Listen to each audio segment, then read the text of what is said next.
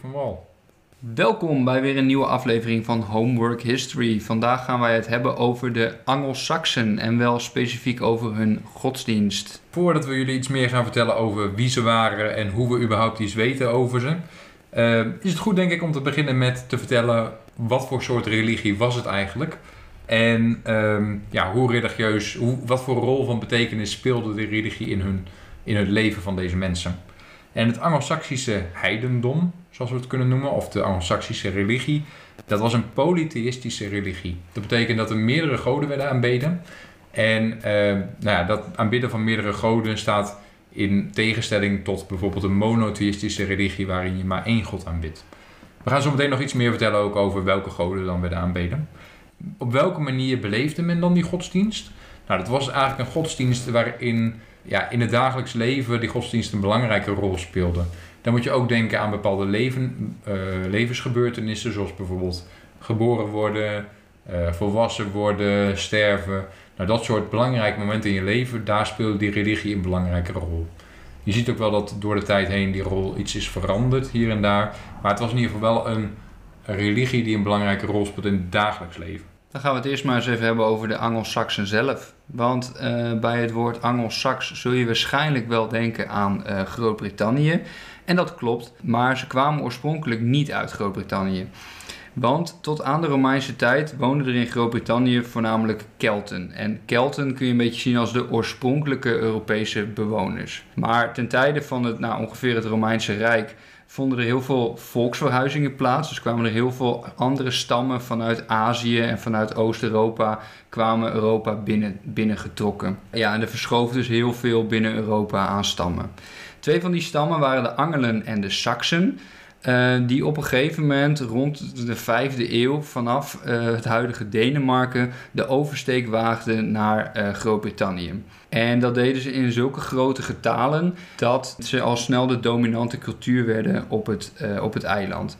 en vooral op het zuiden van het eiland. Want um, zoals in het noorden, zoals in Schotland en ook in Wales, heb je nog steeds wel veel uh, Keltische afstammingen. Maar wat we nu Engeland noemen, dat, daar kwamen vooral de Angelsaksen uh, naartoe. Ja, ik doe gelijk even de adder. De adder. De adder van de, de week. adder van de week. Hele snelle ja, adder. De hele snelle adder. De adder van de week. Want inderdaad, wat leuk is om te weten, is de, de taal, het Welsh.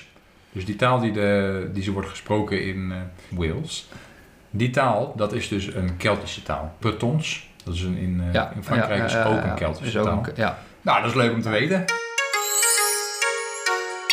Ja, dat is, dat is leuk om te weten. En ook interessant is om te zien dat dus eigenlijk de, de Germaanse... Uh, ik weet niet of ik al had gezegd dat Angelsaksen Germaans waren... maar de Germaanse stammen die kregen heel erg de overhand in heel Europa. Dus dat zie je in Duitsland, Nederland, Frankrijk...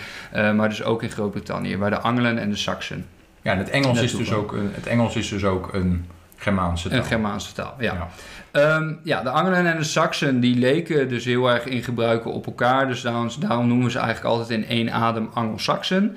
Um, en die Angelsaksen die kwamen dus naar, het, naar Groot-Brittannië, stichten daar zeven koninkrijken. En dat noemen we dan de heptarchie van zeven koninkrijken. Um, en die koninkrijken, misschien her, zul je namen ervan herkennen, die hadden hebben namen als East Anglia, zoals Oost-Anglië. Um, en Wessex, zoals West-Saxen. Dus zijn er wel echt genoemd naar die, naar die stammen. Nou, vanaf ongeveer de 6e, 7e eeuw, dan wint het christendom aan terrein in, in Groot-Brittannië, in Engeland. Dan wordt het ook eigenlijk, al die zeven koninkrijken worden verenigd onder één koninkrijk. En dan gaan we het meer Engeland en Engelsen noemen in plaats van Angelsaksen. Dus de tijd die we vandaag bespreken is ongeveer de 5e eeuw tot de 8e eeuw, waarin dus het Angelsaksische godsdienst een belangrijke rol speelde. Een belangrijke rol speelde. En dan moet ik wel zeggen dat voordat de Angelsaksen natuurlijk Engelen en de Saksen naar uh, Engeland vertrokken, speelde die religie al een belangrijke rol voor ze. Maar die, hoe die religie er toen uitzag is wel iets veranderd ten opzichte de ontwikkelingen die ze hebben meegemaakt toen ze op het Engelse schiereiland woonden. Uh, misschien goed om eerst te vertellen hoe we überhaupt iets hierover weten. Niet van de Angelsaksen, want die waren analfabeet. Dat betekent dat ze geen schriftelijke bronnen hebben achtergelaten. Dus we weten eigenlijk alles van anderen die over hen hebben geschreven. En dan moet je vooral denken aan de christelijke schrijvers die bijvoorbeeld vanaf de 6e, 7e eeuw ook in aanraking kwamen met die Angelsaksen. En die dan vooral boeken schreven om te zeggen van, nou eh, wij doen het zo en de heidenen doen het zo en dat is slecht en daarom moeten ze zich bekeren.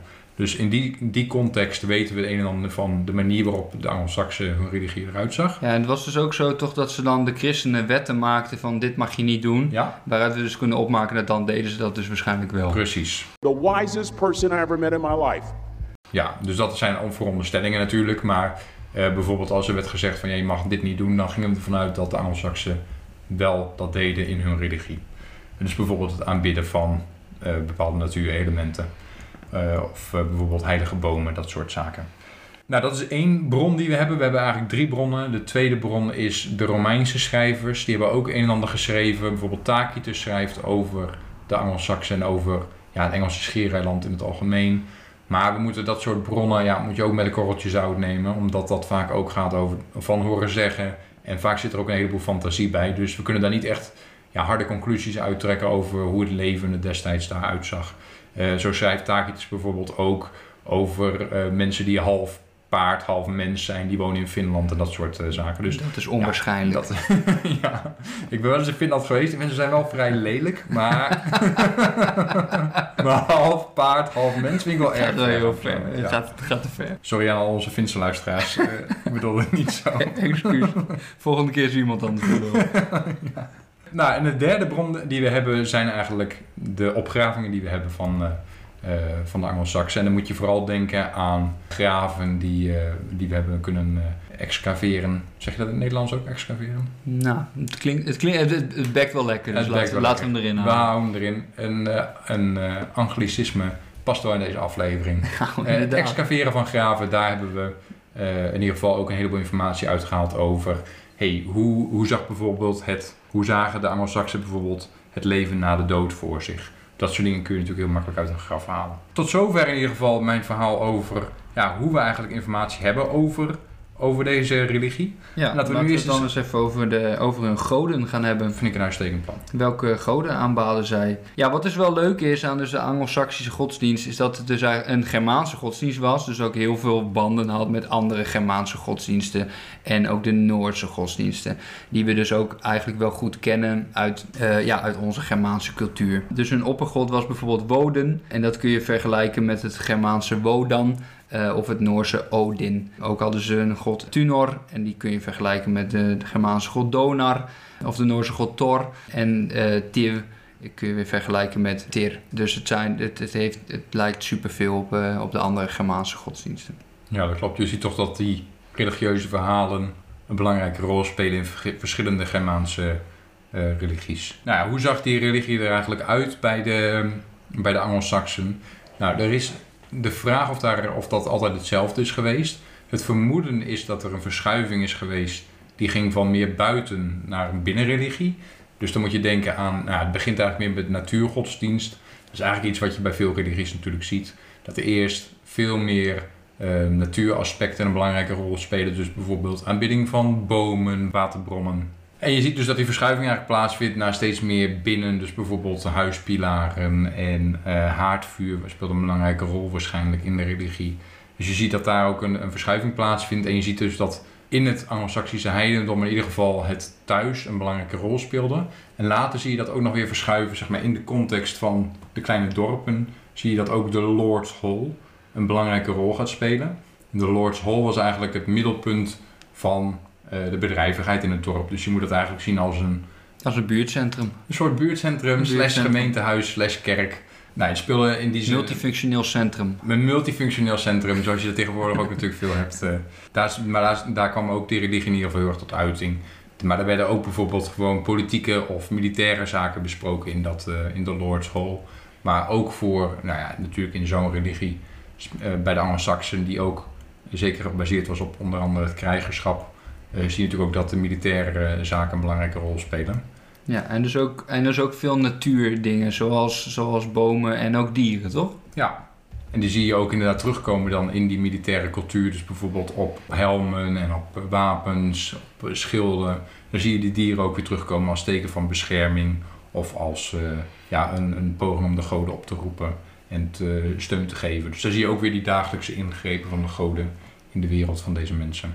Wat ook belangrijk was, eh, was bijvoorbeeld eh, gevleugelde dieren die op eh, juwelen werden gezet. Dan moet je ook denken aan nou ja, allerlei soorten juwelen, zoals ringen en armbanden, waar ook vormen en dieren aanwezig waren. Dus die symboliek speelt een belangrijke rol. Je ziet wel, dat is wel opvallend, dat afbeeldingen van mensen vrij schaars waren bij de Angelsaksen. Nou, wat ook interessant is, is hoe ze meer filosofisch in het leven stonden. Dus vragen we onze huisfilosoof Henry even ehm, hoe dat precies in elkaar zat. Ja, als eh, gefaald filosoof wil ik eh, graag daar bijna aan leveren. Nou, de Anglo-Saxen hadden een sterk geloof in het lot. En ja, je kon niet altijd je eigen leven bepalen in de meest absolute zin. Dus in de zin van, eh, als het je dag was om te sterven, was het je dag om te sterven. Zo geloofden ze. En dan kon je er weinig aan doen. En dat lag dan al vast. En dat was eigenlijk weird. Dus het idee dat er een soort lot was, wat een alomvattend lot was, wat al va- vaststond in het universum en waar je niks meer tegen kon doen. Alleen moet je dat wel een beetje zien als een, eh, een kleurplaat waarvan je zelf nog de boel moet inkleuren, maar de lijntjes al getekend zijn. Dus zo zag men, eh, ja, zo zag men al het leven eigenlijk voor zich. Ja, dus men moest nog wel zelf, eh, zelf ook wat, wat ondernemen. Zeker, ja. Het was niet een religie waarin je zelf helemaal niks meer kon toevoegen. Maar je was uiteindelijk wel, ja, weet je, het was wel een soort berusting dat, ja, zo heeft het gemoeten. Nou, hadden, ik had natuurlijk in het begin al gezegd dat de begraven, begrafenisrituelen een belangrijke clue zijn over die informatie geven over de, eh, de religie van de Anglo-Saxen. Dus laten we daar nog even op inzoomen. Ja, wat er bijvoorbeeld opgegraven is, zoal, is een eh, keramische urn met daarin drie kippeneieren. Ehm, en daar dan ook nog een schaal van koper met hazelnoten erin. Ehm, dat klinkt als eh, voedsel. Ehm, dus ja, waarom zou, dat, eh, waarom zou dat in het graf hebben gelegen? Ja, dat is onduidelijk natuurlijk, maar dat is allemaal, ja, daar mag je natuurlijk zelf een mening over vormen. Maar het kan zijn als een soort eh, symbolische offers voor de goden. Het kan ook zijn dat het provisies waren voor de, voor de doden. Dus in hun weg naar het hiernamaals of in, met het idee dat er een hiernamaals was waarin voedsel een belangrijke rol speelde. Ja, want er zijn dus ook urnen gevonden met kammen en scheermessen erin. Ja. Dus men ging wel vanuit eigenlijk dat, dat er een zekere wederopbouw van het lichaam plaatsvond na de dood. Dat, dat is wel vrij eh, aannemelijk in ieder geval. Ja, en wat dus ook interessant is, is dat er dus zowel urnen zijn gevonden als graven. Dus ze deden zowel aan cremeren als, in, als aan begraven. Nou, het cremeren ging, ging vooral eigenlijk op een hoop. Dus dan werd je gewoon eh, ja, op, een, eh, op een hoop van, van hout en dergelijke. En met je spullen werd je dan gecremeerd. Eh, en het begraven, ja, dat kwam eigenlijk later. En de, de, tenminste, dat is de gedachte. Dat, dat de eerdere Angelsaksen, dus de oudere Angelsaksen, dat die deden vooral aan cremeren. Maar door de Romeinen, waar in het Romeinse Rijk begraven veel gebruikelijker was, dat men daar de gebruik ook van overnam. En je ziet ook dat in het christendom, ja, dat speelt ook weer een belangrijke rol, de manier waarop die ernaar keken. Dat ging uiteindelijk voor de Angelsaksen ook een steeds belangrijkere rol spelen. Dus daar zie je ook weer een overlap. Nou, en eigenlijk die, die verscheidenheid aan gebruiken is eigenlijk eh, ja, op dat moment best wel opvallend in de geschiedenis van de Angelsaksen. En ja, van dus ook, ehm, ja, precies. Omdat er eigenlijk best wel veel gaande was qua volksverhuizingen. En dus ook qua in nieuwe religies en invloeden van religies op elkaar. Ja. Boeiende periode. En er was eigenlijk ook nog een verschil in de graven. eh, kun je ook nog zien in bijvoorbeeld de status van eh, personen. Dus er was wel dezelfde rituelen werden toegepast. Dus het was bijvoorbeeld niet zo dat alleen maar rijke mensen werden begraven of alleen maar, dat die alleen maar werden gecremeerd. Maar het was wel zo dat belangrijke personen vaak meer spullen bij zich hadden in het graf. Dus die hadden vaak eh, duurdere juwelen en dat soort zaken. Dus ja, er was in die zin wel een statusverschil te zien. Nou ja, wat, wat wil het nou eigenlijk zeggen? De, al, die, al die zaken, ja, wat we net eigenlijk al, waar we het net eigenlijk over hadden ja, we kunnen er wel van uitgaan dat er werd nagedacht over een, over een hiernamaals. Dus dat er zeker in het Anglo-Saxische heidendom, in die religie wel een, een vorm van hiernamaals was. Dan eh, laten we het hierbij. Interessant om hier eh, wat verder op in te zoomen. Eh, en hier laten we het bij voor vandaag bij deze aflevering van Homework History. Luister volgende keer zeker weer, want dan komen we met een special. Wat precies is nog een beetje geheim, maar zeker luisteren. Tot volgende keer.